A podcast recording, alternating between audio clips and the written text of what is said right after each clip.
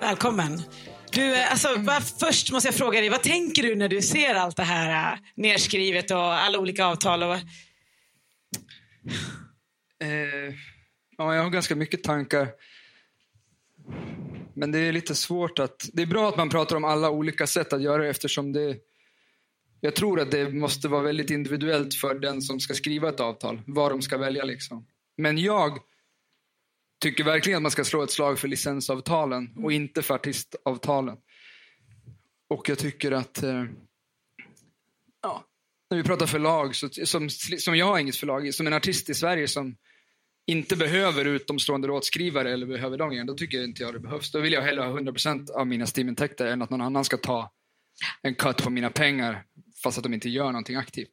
Och som du sa, den här äh, pitchen att vi kommer sätta synkar. Den tror jag i så fall man ska säga att det finns en procentsats som ni får när ni aktivt har satt en synk. Och det finns en annan procentsats som gäller de pengarna som bara ramlar in.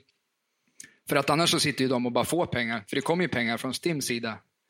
Så det är lätt för en Eh, alltså det är lätt för dem att inte göra någonting helt enkelt. Men du, eh, jag har jättemånga frågor på en gång. Men om, om jag börjar med att fråga det du, det du är inne på. Eh, hur mycket jobbar skivbolagen då för, för, för artisterna? Måste jag vet inte, jag har aldrig haft något skivkontrakt. Så jag vet inte. Jag hur mycket har dina avtal gjort för dig och hur mycket har ni gjort själva? Eh, vi har från början jag vet inte om jag ska kolla på er eller på dig. Jag, förlåt. eh, vi har alltid gjort våra egna grejer.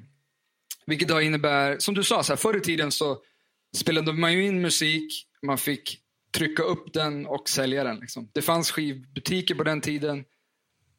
Och det innebar ju en ekonomisk risk att trycka upp skivor. Det var ju det som var liksom, det nojiga för en artist. Och det var det som skivbolagen var bra på, för de hade pengar och de kunde säga så här, vi fixar det här åt er, oroa er inte. Och den, det har ju förändrats väldigt mycket, så det är egentligen nästan inte aktuellt. Men jag tycker ändå att det är förvånansvärt att folk skriver artistkontrakt i, nu, när de oftast producerar sin egen musik. När man kommer på möten så har ni oftast musiken redan färdig. Vilket säger till mig att det borde inte finnas någon annan som ska äga den musiken. Jag tycker absolut att ni ska äga musiken.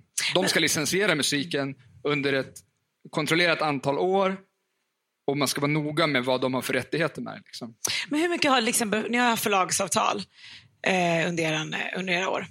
Nej, licens. licens. Alltså, hur, hur, mycket har de gjort för er då? Liksom, de har gjort bra grejer. För att skillnaden mellan distribution och licens är att om man har distributionsavtal då ser ju bara skivbolaget till att skivorna finns till försäljning.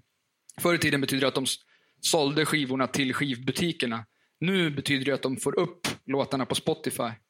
Vilket kan låta larvigt eftersom alla kan få upp låtar på Spotify. Men de kan ju till exempel via olika kanaler se till att ni får mer plays på Spotify via olika listor. Uh, olika mycket reklam och så vidare. och Så vidare. Så har man bara distribution så är det egentligen bara att få ut grejerna. Har man licensavtal så kan det innebära att de ska göra PR till exempel. Och då börjar man prata till exempel att de ska betala halva videon. De ska ha folk som jobbar för att göra PR. De kanske ska sätta upp någon sorts plan för eh, ja, den så kallade rollout av plattan, liksom, hur den ska jobbas och så vidare. Du, jag vet att du har en tanke om att man ska skilja på bolaget eller förlaget och människorna som, som man jobbar med. Det är mm. intressant. Ja, det tror jag är viktigt att man, som, speciellt när man är ung, att man tänker sig, att man kommer till ett bolag och så, så tänker man så här, jag kommer bra överens med de här. Det här känns jättebra. Då tror jag det är viktigt att man förstår att så här, bolaget är bara ett företag.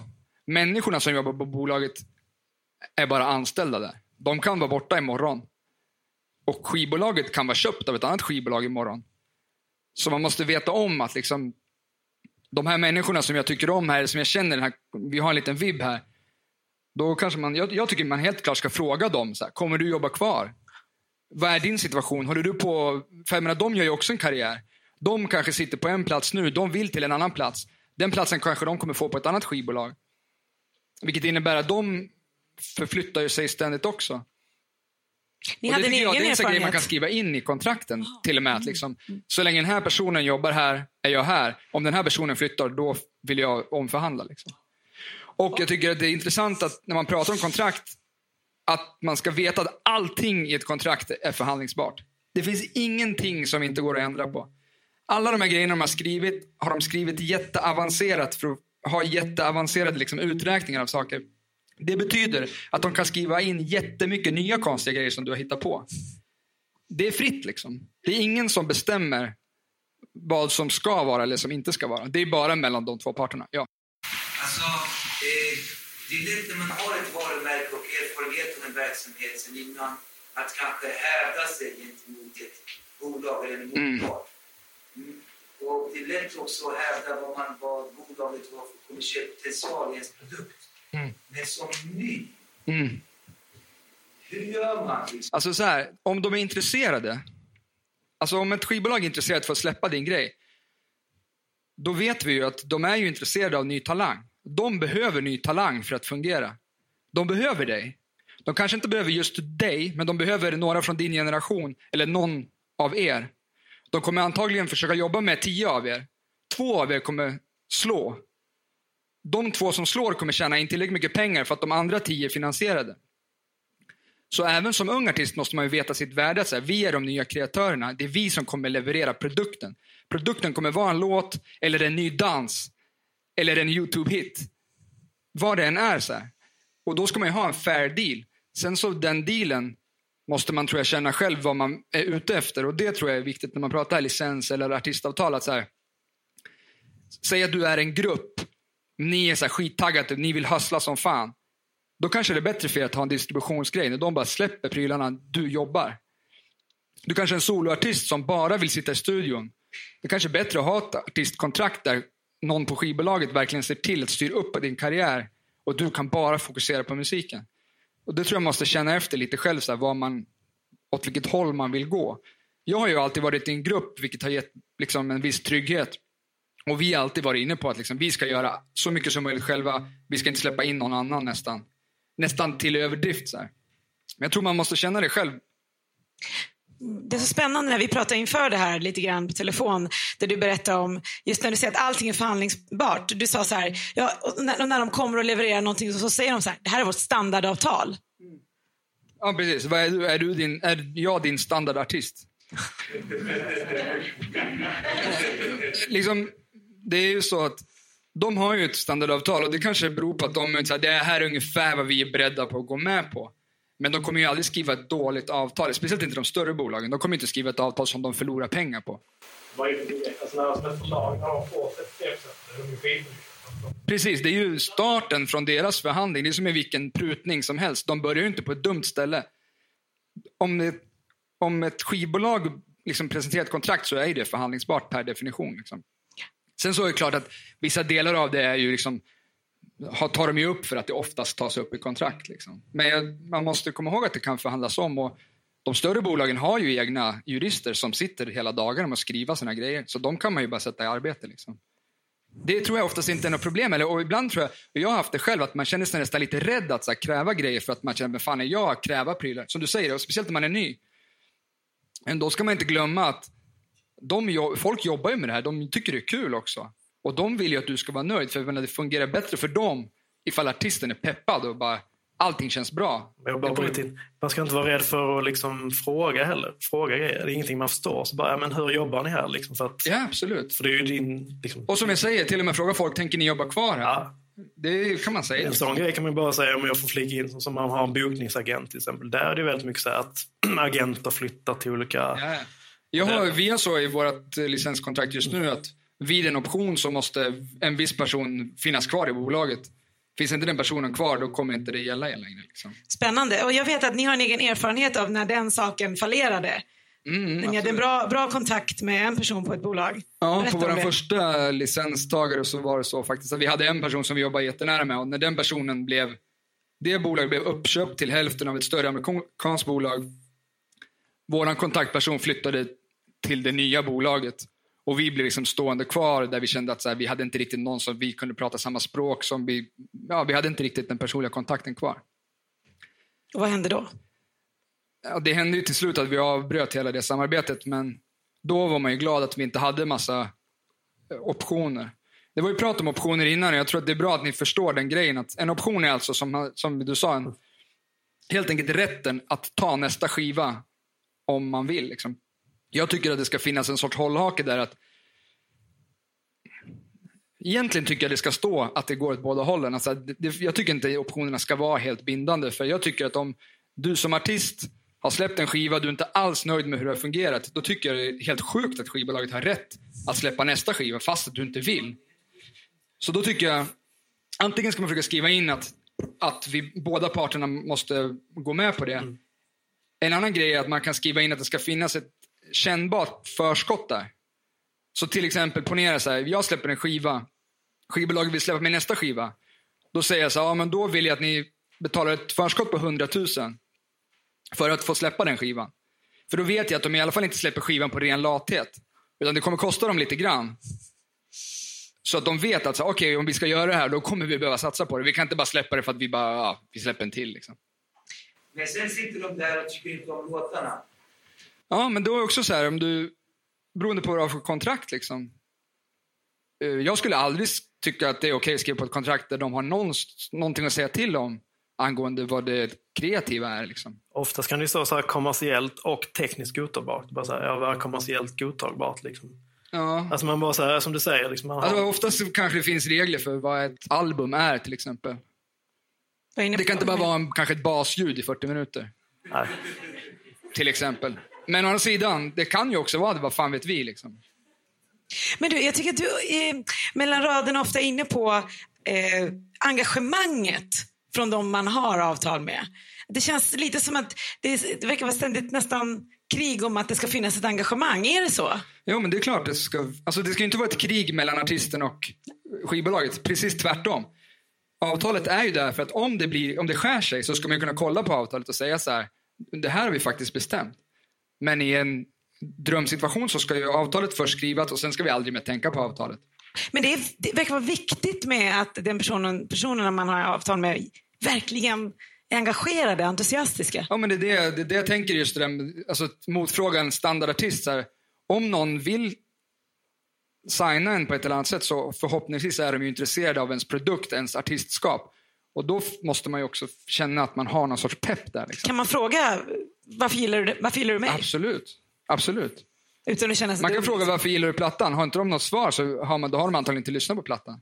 De kanske har fått ett tips av en polare på en fest. Bara, det där är en het, het artist. Det tycker jag absolut inte man ska signa med. Ja. Kan man ta ett avtal där jag som artist har option att fortsätta ett samarbete med förlaget? Med, med förlaget eller med skivbolaget? Jo, absolut. Alltså, det är det jag menar. Det skulle kunna skrivas till exempel att det finns en optionsrätt men att du måste gå med på den också. Alltså du kan ju inte riktigt tvinga bolaget att släppa din nästa platta. Så du, det är kanske svårt att skriva ett option åt andra hållet. Men du kan absolut skriva in att vi måste båda gå med på det hela.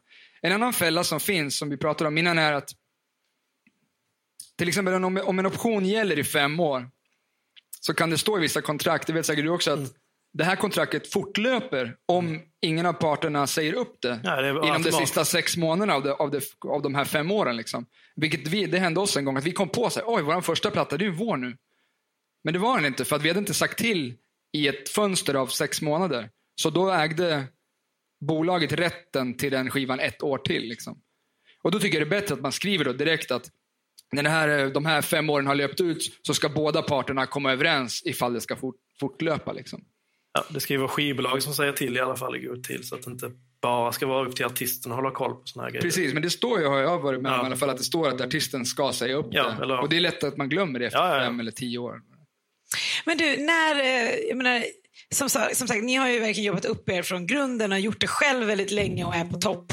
Eh, Sveriges största musikexport inom, inom genren fortfarande. Eh, men då tänker jag så här, men när ska man då börja skriva avtal till höger och vänster? Och när, när är det dags? När vet man det? Jag menar, man kan också bara ansluta sig till STIM och...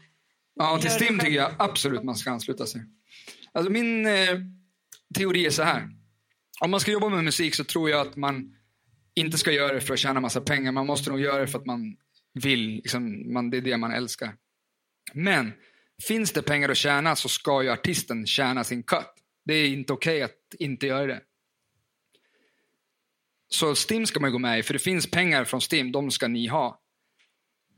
Och när man ska, alltså jag tror så här, det går fortare nu än vad det gjorde förut. Nu kan man ha, man kan spela in låtar hemma som egentligen potentiellt kan vara hits imorgon.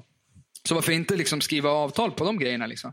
Men då tror jag det är smart att man skriver, som du var inne på, saker som bara binder en platta. En licens som bara binder en EP. Eller ett släpp framåt. Liksom. Ta det lite lugnt.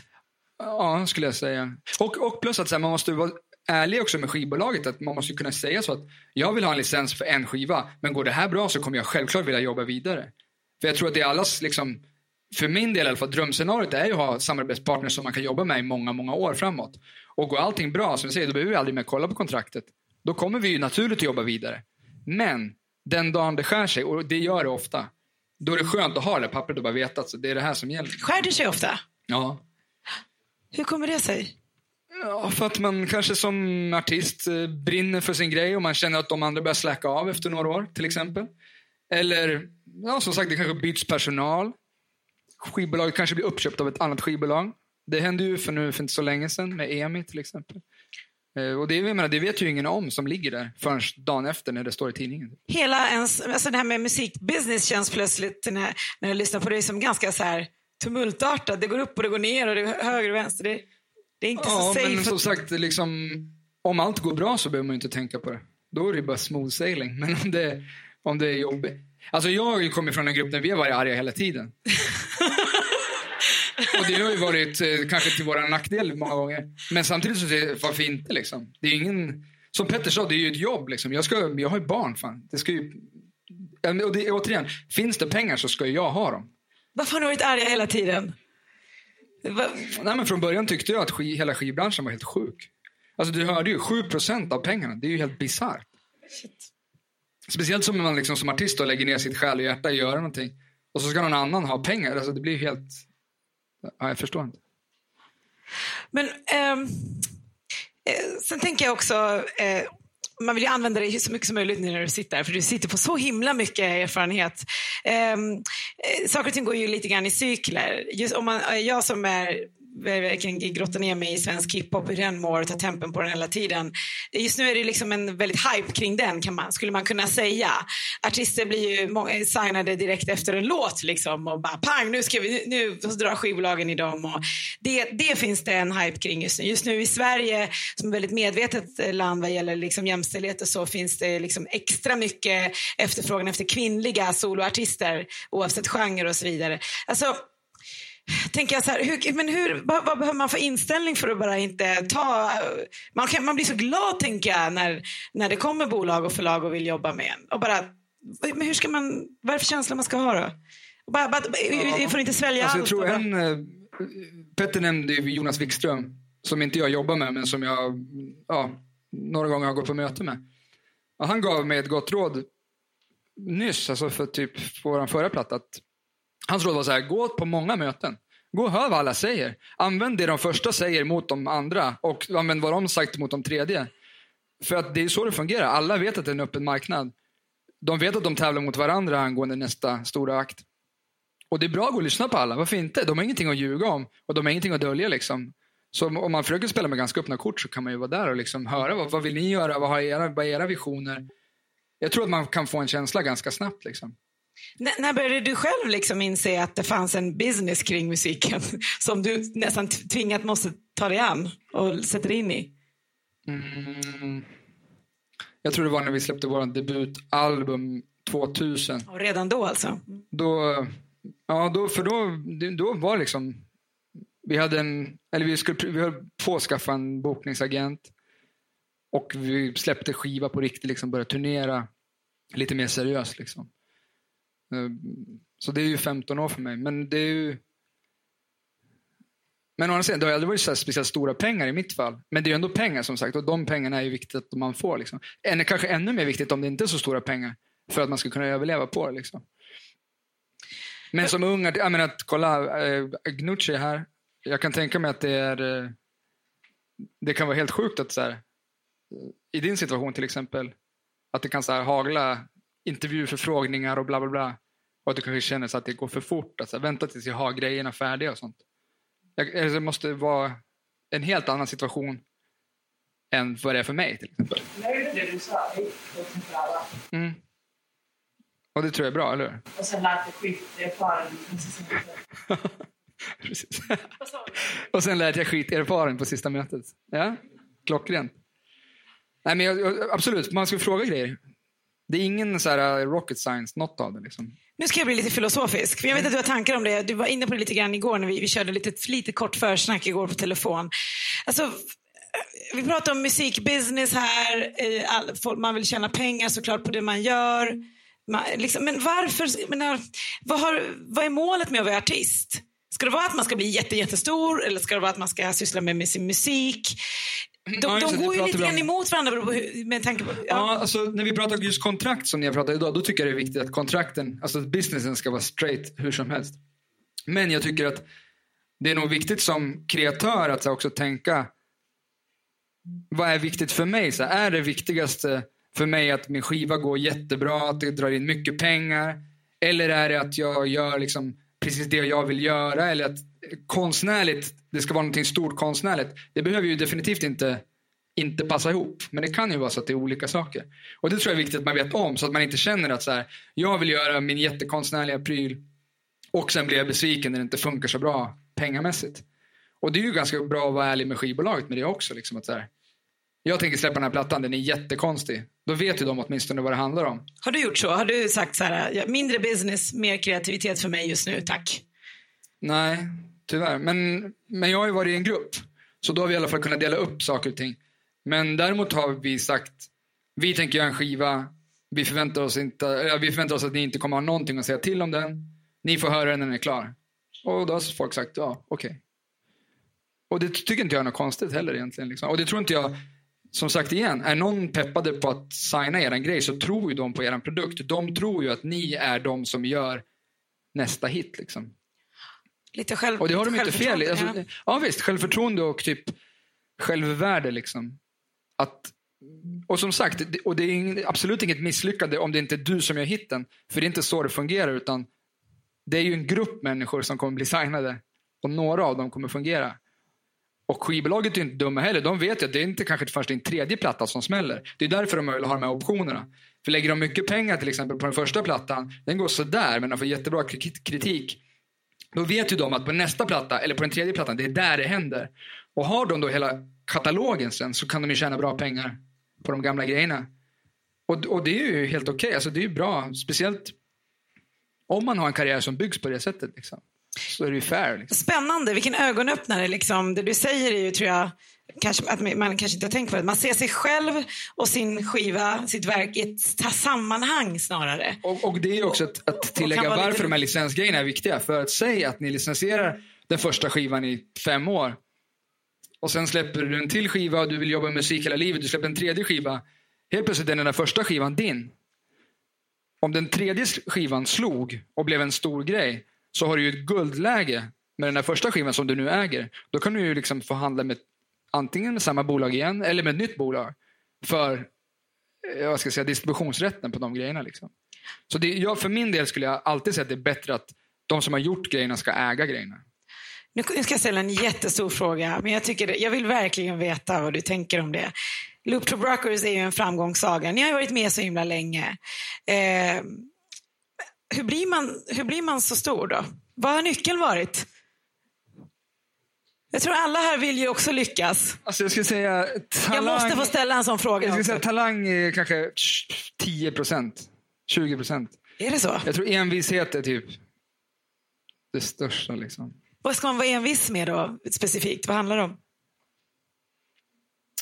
Nej, men jag tror en sak är ju självförtroendet. Liksom. Och sen så tror jag att vara beredd på att göra grejer när det inte går bra helt enkelt. Jag menar, vår karriär har varit bra på många sätt men den har inte gått så här spikrakt och den har inte heller dragit in så mycket pengar. Exakt så sa ju Petter. Ja, och det, jag menar, Petter är ju typexempel på en snubbe som bara har matat. Liksom. Och, och det funkar ju svinbra för honom. Det tog ju ganska liksom, hans första platta var en hit och sen gick det liksom svajigt. För oss var det ju kanske en längre liksom slö kurva. Men jag tror att eh, man, det är nog, och jag, jag, vet inte om det är sant, men jag tänker mig att i den här tiden så är det känns som att ännu mer människor tror att det kommer gå fort. Liksom, och kanske typ känner sig besvikna om det inte funkar på en gång. Och det tror jag är en sjukt farlig liksom, fälla. För många får ju väldigt, i och med internet och det finns så många forum så får ju många uppmärksamhet ganska snabbt. Och så tror man kanske, nu är det så här. Ja, det är ju grymt. Om det är så en stund. liksom. Men kanske inte för alltid. Man kanske inte... Nej, eller att man inte får någon uppmärksamhet. Och sen så bara sakta bygger man någonting som är, och det tror jag kan vara liksom en stadigare grund att stå på faktiskt. Än att öppna med en hit och sen kanske inte ha så jättemycket kvar där. Liksom. Men det är ju såklart individuellt. Det kan man ju aldrig bestämma innan hur det ska gå till eller kopiera någon annans karriär. Men man kan åtminstone ha en mindset hur man har tänkt att bygga det. Vi brukar alltid så här, jag vet inte om ni, vi tänkte alltid på Gangstar. Alltså, ja, vi ska ha som vi ska bli som Gangstar. Det ska vara en sakta, sakta uppbyggnad liksom. Det var vårt mål. Um, och det fungerar väl, ja, ungefär så. Spännande. Det är jättekul att prata om det här med, med, mentala biten av det hela, alltså inställningen också med dig. Inte bara om eh, siffror och Nej, men jag, och, jag, och jag förstår precis vad du säger, så att det är ju sjukt svårt. Jag själv har länge haft det problemet. Att man känner sig nästan så att, som att man tar lite onödigt mycket plats. Och bara, vem fan är jag? Och liksom så här. Innan eh, skivindustrin kraschade lite så fanns det mycket pengar. Mm. Och om man jämför med annat företagande så behöver ju faktiskt företagen vara bra på sina jobb därför att de tar stora risker och tar stora kostnader i framställningen av en produkt. Mm. Men i musikbranschen så har artisterna ofta stått för stor del av den kostnaden. Produkter har blivit till, hit och blivit, hits har blivit till. Inte riktigt så, men nästan. Och jag tänker att det drog till sig en massa inkompetens under väldigt många år. Är din erfarenhet att eh, det har rensats ut massa kassa människor sen från, från bolagens sida menar du? Eh, jag tror inte jag är rätt person att svara på, men jag... Alltså förr i tiden fungerade det ju så att ett klassiskt artistkontrakt, att, då, alltså att skivbolaget stod för de här utgifterna så att du fick gå in i en studio. Och då ägde de också inspelningarna. Eftersom det fungerar annorlunda nu så Ja, jag tror inte att skivbolagen är lika kaxiga. För att de vet att det inte är lika mycket pengar.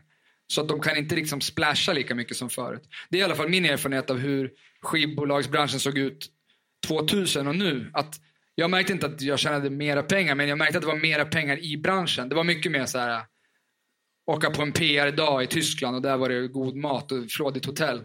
Och sen var det skivbolagsfester på Hultsfred där det var fri kröka och Ja, det, så här, det var mycket mer pengar i omlopp. Liksom. Men som sagt, artisterna fick ju 7% Så skivbolagen hade ju 93% av intäkterna. Så det är klart de kunde splasha. Liksom. Så på det sättet tror jag du har rätt. Mycket bara... inkompetens, inkompetens försvann nog efter pengarna försvann. Kan jag bara inflika Det känns ju också som att skivbolagen nu när de signar artister, antingen artistavtal eller licensavtal, att de inte tar någon bara som är helt okänd. Utan artisten kanske har byggt upp någonting själv redan innan man blir signad. Ja, i alla fall när det gäller licensgrejer. Ja, alltså, licensgrejer definitivt. Ett artistavtal, tänker jag, det funkar ju om man är en okänd talang som ett skivbolag tror att vi kan göra dig till en världsstjärna. Vi kan sätta ihop dig, som du säger också, så här, med låtskrivare, vi kan paketera det här jättebra. Det finns ju klart människor som har så. Men inom man ska säga, den här gruppen av människor, där vi pratar kanske mer hiphop och sånt, där folk skriver mer själva, de bygger sina karriärer på det mer klassiska sättet, då tror jag att, ja, det är lite annorlunda. Om man är en popartist kan jag förstå ett artistavtal lite mer. Liksom. Om man siktar på typ någon sorts pophits. Liksom. Men är nyckeln till att kunna också tjäna pengar på att göra musik, vilket jag tror många som vill göra musik vill göra, leva på det. Är det att, att vara en bra förhandlare? Att komma in och kräva Uh, nah, jag tror en grej också att vara bra på att så här, veta vad man inte kan. Alltså så här, fråga folk. Det pratade vi om också. Så här, jag tror att det är mycket lättare nu. Eh, när vi släppte vår första skiva var vi på något sätt första generationen så här, hiphopen. Eller ja, jag ska inte ljuga. Adam och de var först. Men eh, ADL och liksom hela den så här, timebomb-grejen. Men sen, vi var först ut till exempel med just svensk hiphop som skulle ut i världen. Liksom nu är det inte så längre. Nu finns alla ni har folk som har gått före er. Liksom. Precis som det var för rockbranschen förut eller för alla andra liksom, musikbranscher. Så nu är det mycket lättare att höra sig för med någon som redan sitter i ett, eh, med ett kontrakt. Jag, menar, ni, jag skulle tro att de flesta av er har typ möjlighet att mejla någon, instagramma någon, facebooka någon och bara säga hej, jag ska precis skriva på det här kontraktet. Har du något tips? Kan du kolla på de här grejerna åt mig? Eh, det var en fråga. Eh, Vi har fått tre nu tre olika avtal, men inte på licensavtal som de flesta förordar. Nej. Det är Andreas som får... Alltså det handlar ju helt enkelt om att du hyr ut din skiva under ett visst antal år. Så att, så att du, om, och, men det förutsätter också att du har skivan. Jag skulle ha en kopia Ja, du skulle ha en kopia? Ja, ja, kan men det få. kan vi kanske fixa. Nästa år, Andreas. Det fixar vi. Men för att vara tydlig med vad det handlar om så handlar det om att om du som artist kan ha din skiva, alltså du har redan producerat den, då hyr du ut rättigheterna till den skivan under x amount of time. Liksom. Och jag tror att i många fall nu med unga artister så sitter ju folk på eget material. Och det, så gjorde vi också, även om det var länge sedan. Liksom. Men så, ja. Men det är spännande det du sa innan också. Det jag vet att du ville lyfta fram att man ska, att man ska förstå att det finns föregångare. Att man kan, idag kan man bolla med Ja, andra som har gjort det, det här ja. innan. Och det här att vi, ni, du sitter här är också ett bevis på en sån sak. Ja, men också med internet. Alltså, det är så mycket lättare att mejla någon eller facebooka någon. Och jag menar, vi har haft flera yngre artister som har frågat oss om råd när det gäller kontrakt.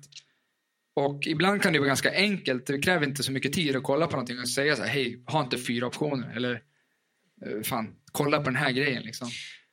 Hur insatt eh, brukar, brukar du vara i själva avtalen då nu för tiden? Alltså hur, Jag är ju bolagstecknare i vårt företag, så jag, det är jag som skriver på.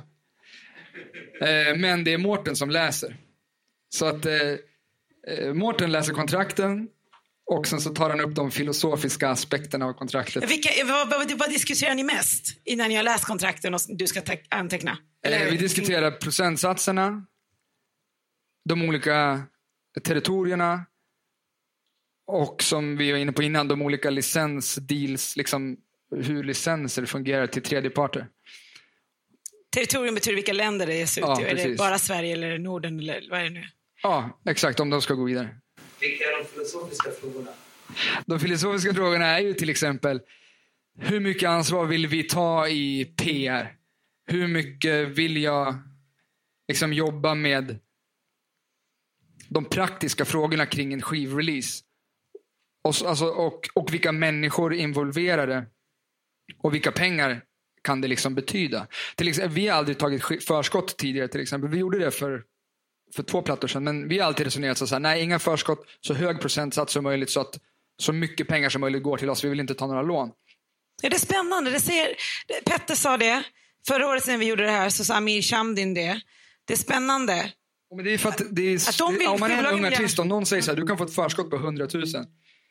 Då ska man veta att det ska skattas på de där pengarna. Det blir ungefär 50 000 kvar. Och plus att det låter så mycket pengar. Men jag menar potentiellt så kan det vara ingenting. Om det finns jättes... Och, och om deras motprestation, om de säger så här, "Vi- du kan få ett stort förskott, men då vill vi ha en bättre procent. Så det kan ju innebära att ja, man förlorar på det i långa loppet. Liksom. Och så har vi alltid resonerat att så här, om någonting går bra så vill vi ha en, våran del av det. Liksom. Men vi tog ett förskott för no några år sedan. Men det var helt enkelt bara för att det var bara skönt att ha lite pengar i vårt gemensamma företag så vi kunde betala ja, olika utgifter. Liksom. Och köpa ny backdrop och ja, vad det nu skulle vara. Liksom. Frågor? Eh, du, där borta, tror jag, räckte upp handen först. Eh, Jag är låtskrivare och även intresseförare i Nara och tycker nya Breaking Akter. Eh, Och förr så kändes det som att man kunde ge dem skivorna och t-shirtarna och sätta dem på en bil, i en bil och åka runt i Sverige och uppträda för att jobba på sitt artisteri och sin uppträda. Eh, Men nu känns det som att det är svårt att få eh, en stor publik eh, att komma till de olika speltillfällena. Och att för samma sorts pengar så kan du nå 50 000 istället för fem personer fast online. Eh, när man då bygger fanbase och känner att man har en bra produkt, eh, vad finns det för nya sätt online att bygga fanbase? Det där tror jag också att jag... Så det skulle du fråga random 14-åring om jag ska vara ärlig. För att jag är för gammal för att veta det om jag ska vara helt ärlig. Alltså jag tror att de grejerna förändras här dagligen. Liksom. Eh, Jag är liksom, jag är mitt emellan liksom. ja, att jag liksom tillhör jag ja. Samtidigt som nu är den nya generationen där man spelar på ett helt annat sätt. Jag, jag tycker det där är en intressant fråga och jag, tänk, jag tänker på det själv. Alltså jag tror att man måste så mycket som möjligt försöka följa vad... Alltså det är dumt att försöka tro att man själv kommer breaka den, knäcka den nöten. Eftersom man redan är förbi den. Liksom. den som är mest intresserad av de här tekniska prylarna är 12-åringar. Liksom. Och då kanske man ska försöka se vad de gör och hur de fungerar. Liksom. Jag tror inte att, alltså jag kommer ihåg när YouTube kom, vi, vi till och med resonerade så, så här, jag tror till och med att folk tänkte så här, videon har läckt på YouTube. Ingen såg att YouTube var nästa kanal. Liksom. Eh, nu finns Vivo till exempel, där man kanske kan tjäna pengar på det. Det finns, det finns några andra grejer. Så här. Men jag tror inte att det måste nog, jag tror man faktiskt ska se till den yngre generationen om det går. Liksom. Så Det är inte så jävla bra råd, men jag tror att det är där det ligger i alla fall. Hur jobbar skivbolagen idag? Det är klart att det finns olika spellistor, och, och, men de ligger även efter... De ligger efter Absolut. Och jag menar, alla försöker casha in på det. Jag menar, säger nu, Facebook till exempel, jag tror vi har 90 000 followers på Facebook. Om jag gör en post så når det ungefär 3 000 personer. Och den vill ju hela tiden att jag ska betala mina poster. Jag betalar 300 kronor eller 500 kronor eller liksom 10 000 kronor för att nå mer människor. Så att alla aktörer kommer ju försöka casha in på det nya sättet. Liksom. Samma sak med Spotify. Eh, och Det där förändras ju hela tiden. Så jag, det, där tror jag, det där är en stor fråga. Vem det tror jag är en det? fråga som många vill ha svar på. Liksom, men den är. Sköter ni det själva då? De här, alltså, liksom, eh, Nej. tänket kring hur når vi ut till vår publik via nätet? Absolut. Sköter ni det själva eller vem? Ja, det gör vi ju. Men vi gör det tillsammans med licenstagaren då. Alltså, det är intressant att poängtera att skivbolag ser ett värde i ens eh, aktivitet på internet. Absolut. Ja. Det är så roligt liksom, att de är lite efter när de försöker knäcka något nytt. Antingen med så här siffertörsten, liksom, bara du har siffrorna. Eller hur man är aktiv. Alltså, Och jag tror, alltså, det var det jag menar med 14-åringar. Så jag tror många gånger att artisterna har ju bättre koll än bolagen. Faktiskt nu. Och jag tror bolagen mera följer vad artisterna gör. Så jag menar, om du tänker att du, ska, att du breakar en artist så tror jag att om det är en, en ung akt så tror jag att de sitter på svaren mera än vad du kan göra liksom uppifrån. Om jag tänker mig till exempel med Looptroop när vi började.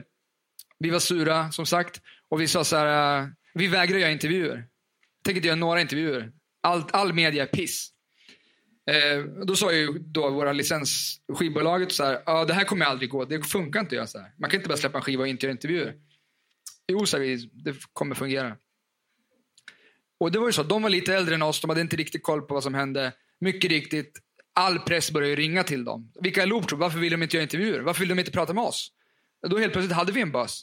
På ren dumhet liksom. Eh, och det tror jag liksom är ändå så här någonting man kan lära sig av. Att så här, det är, jag tror många gånger att de, de själva har den här grejen. Liksom. Och, och anledningen till varför du har den där artisten där och varför du tror på just dem, det är ju för att de har något sorts movement. Liksom.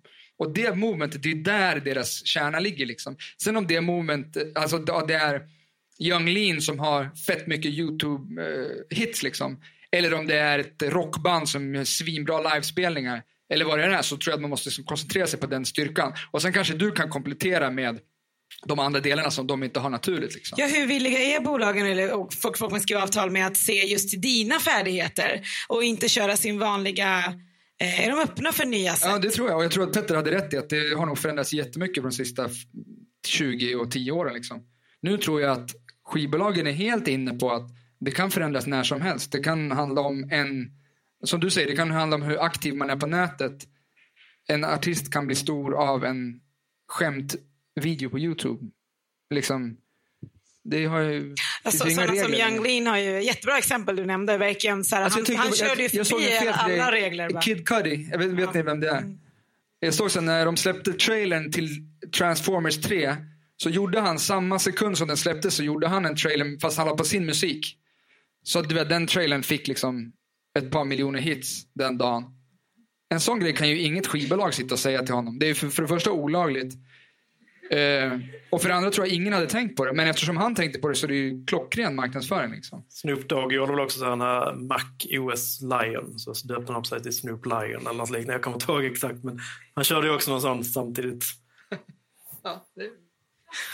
Så det är öppen, det är upp, ja, Ja. allt är tillåtet i krig och kärlek. Fler frågor? Vi får passa på nu, han sitter här. Ja, nu får du prata högt. Ja, eh, kan du berätta vad du får mest inkomster från? Är det merchandise eller konserter eller radiospelningar eller? Eller? Nästan bara livespelningar. Eller liksom det är det, är det jag har eh, tjäna pengar på under årens lopp. Liksom. Är det, Faktiskt är det en utveckling? Vad säger? Är det en utveckling att det har blivit så senare tid? Nej, det har alltid varit så för oss. Men vi har också alltid varit vårt eget skivbolag, så de flesta pengarna vi har tjänat har vi också investerat i nästa skiva. Så det har ju blivit att pengarna ofta har gått till, liksom, speciellt förr i tiden när det var dyrare att spela in skivor. Så har liksom, vi har gjort så kanske att vi har haft en pool, liksom att okej, pengarna hamnar här, de använder vi till kommande projekt. Men de pengarna som jag har tagit ut har varit nästan uteslutande livespelningspengar. Ehm, Andreas står här och han ska gå igenom managementavtal. Ja. Då måste jag fråga dig, managers.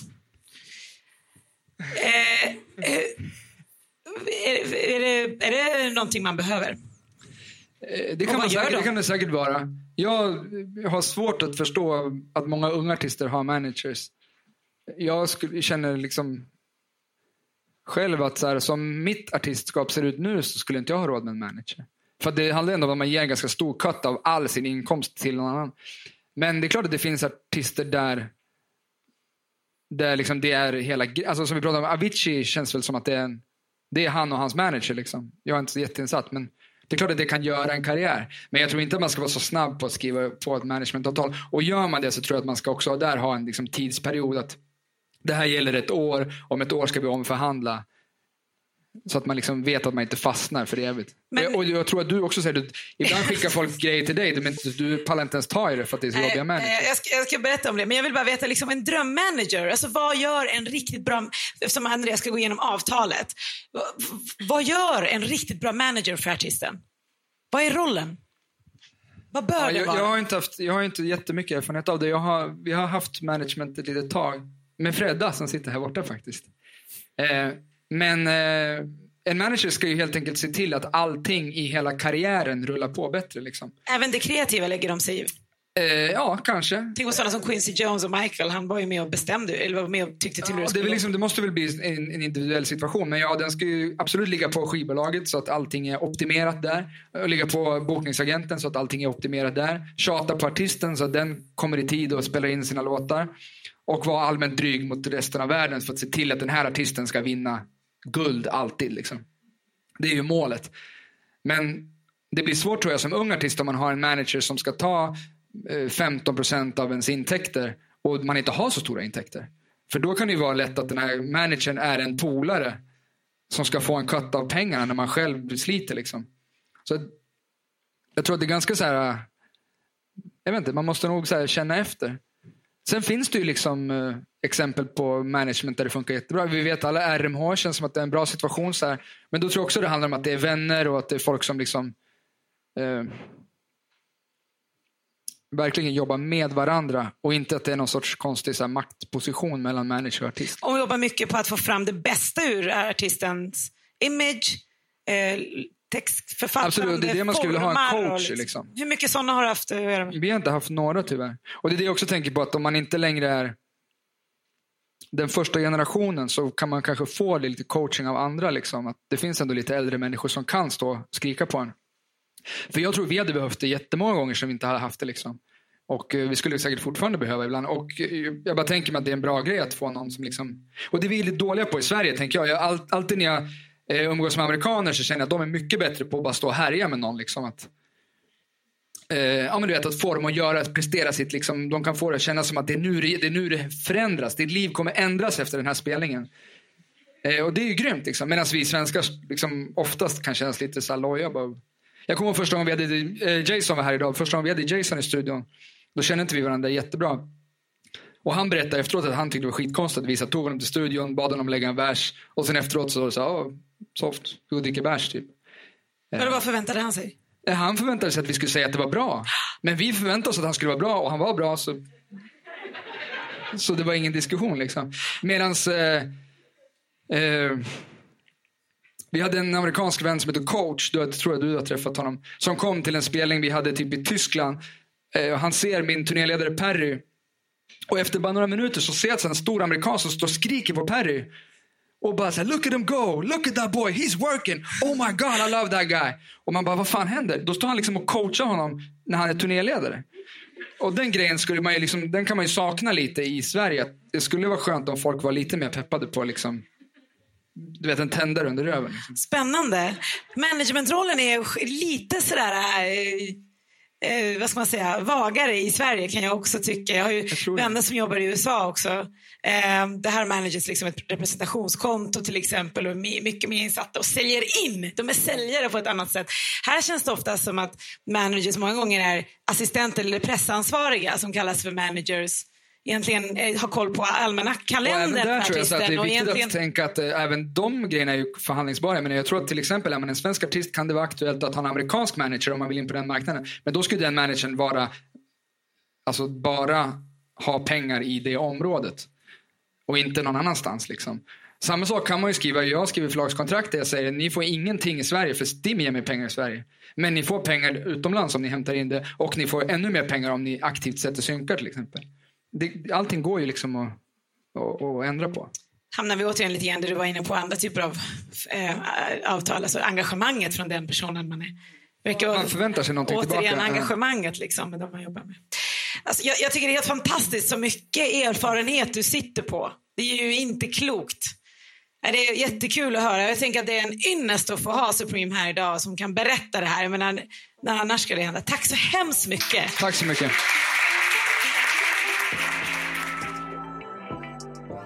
Du har lyssnat på Din Musikbusiness Podcast presenterat av Skap. Om du går in på skap.se kan du läsa mer om dem.